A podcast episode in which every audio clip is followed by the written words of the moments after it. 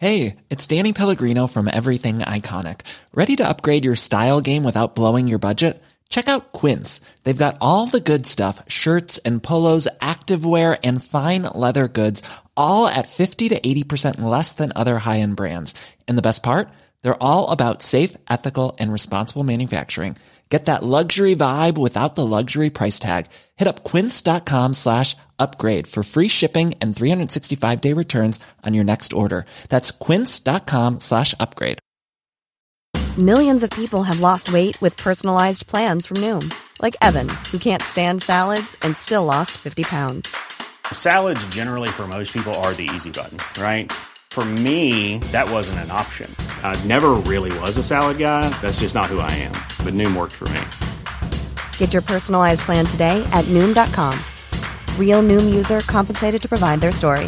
In four weeks, the typical Noom user can expect to lose one to two pounds per week. Individual results may vary. Hey there, it's Michelle Norris. I'm host of a podcast called Your Mama's Kitchen. When I travel, I'm usually looking for a way to find a taste of home when I'm not at home. And one of the things I love to do when I am at home is entertain. And Airbnb allows me to do that. When I was in California recently, I rented a house that had a great kitchen. And when we were sitting around the table, we were all thinking, we're in someone else's house. Someone could be in all of our homes as well. If you have a home, but you're not always at home, you have and Airbnb. Your home might be worth more than you think. Find out how much at airbnb.com slash host.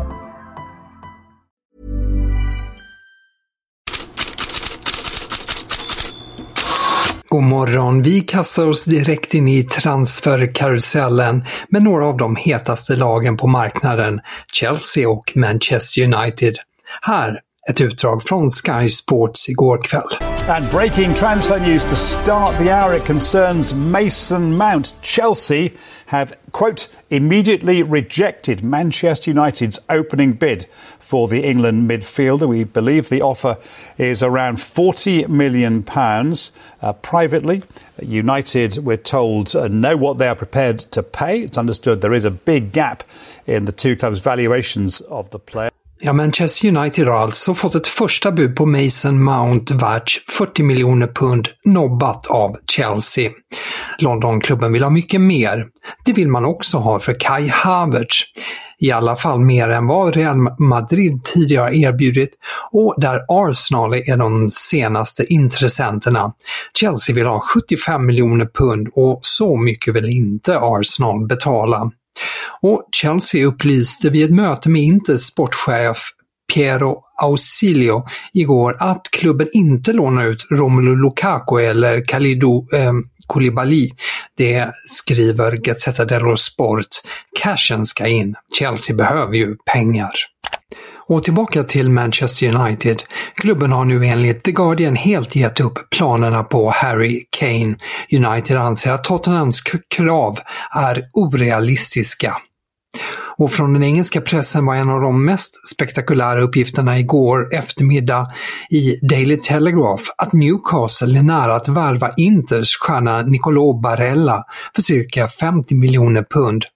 Men här drar Gazzetta dello Sport i bromsen nu på morgonen.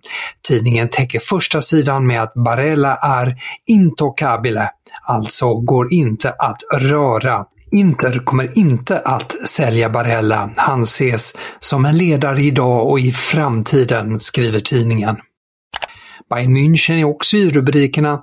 Enligt samstämmiga rapporter har klubben blandat sig i kampen om Kim Min-Jae, där Manchester United ju länge sett som favorit. Men Sport 1 skriver att vänsterfotade Pau Torres i Villarreal ses som Bayerns första val som ersättare till Lucas Hernandez som väntas säljas. Och för att återknyta till där vi började med Chelsea och Manchester United. Bayern är enligt tyska Sky Sport eh, intresserad av Moises Caicedo som just Chelsea, United och även Liverpool är intresserade av. L'Equipe har idag på första sidan huvudrubriken “Galtier vid vulkanens fot”. Vulkanen det är Vesuvio och det det handlar om är Napoli.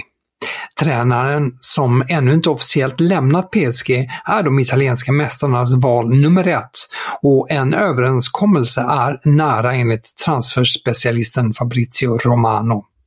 På annat håll upplyser L'Equipe om att Antoine Griezmanns utköpsklausul i Atletico de Madrid bara är 25 miljoner euro i sommar. Det kan locka intressenter. Och svenskarna då? Ja, Abola på första sidan idag, Gyökeres föredrar Sporting. Svensken påstås ha nobbat Premier League-erbjudanden. Igår skrev tidningen att Sporting förhandlar med Coventry. Cirka 20 miljoner euro uppges ligga på bordet, men Coventry vill ha mer. Och inte en dag utan att Emil Holm nämns i Gazzetta dello Sport nu för tiden. Idag bara med ännu en påminnelse om att han väntas lämna Spezia i sommar, att Juventus och Atalanta jagar honom. Men FC Inter News har färska uppgifter, för även Inter påstås intresserad. Holms representanter är i Milano och planerar ett möte med klubben för att känna av varandra. Det förekom uppgifter om Inter och Emil Holm även i februari. Totocalcio Feminile uppger att Linda Sembrant överväger en flytt till Sassuolo. Landslaget ska ha öppnat möjligheten för 35-åringen att spela OS 2024. Då behöver hon regelbunden speltid. Den möjligheten lär inte ges i Juventus som erbjudit en förlängning ett år till. I Nations League blev Kroatien igår finalklart efter att ha slagit Nederländerna borta med 4-2 efter förlängning. I den andra semifinalen möts ikväll Italien och Spanien. Och det är ju landslagsdagar nu. Sverige möter Nya Zeeland imorgon. Om den matchen hör ni allt i podden Fotbollskanalen On Tour. Och imorgon spelar också England en ganska sömnig EM-kvalmatch mot Malta. Och då blev det många smärtsamma frågor om Manchester City till Manchester Uniteds Rash, Marcus Rashford vid presskonferensen igår. Till exempel om man kollade Champions League-finalen.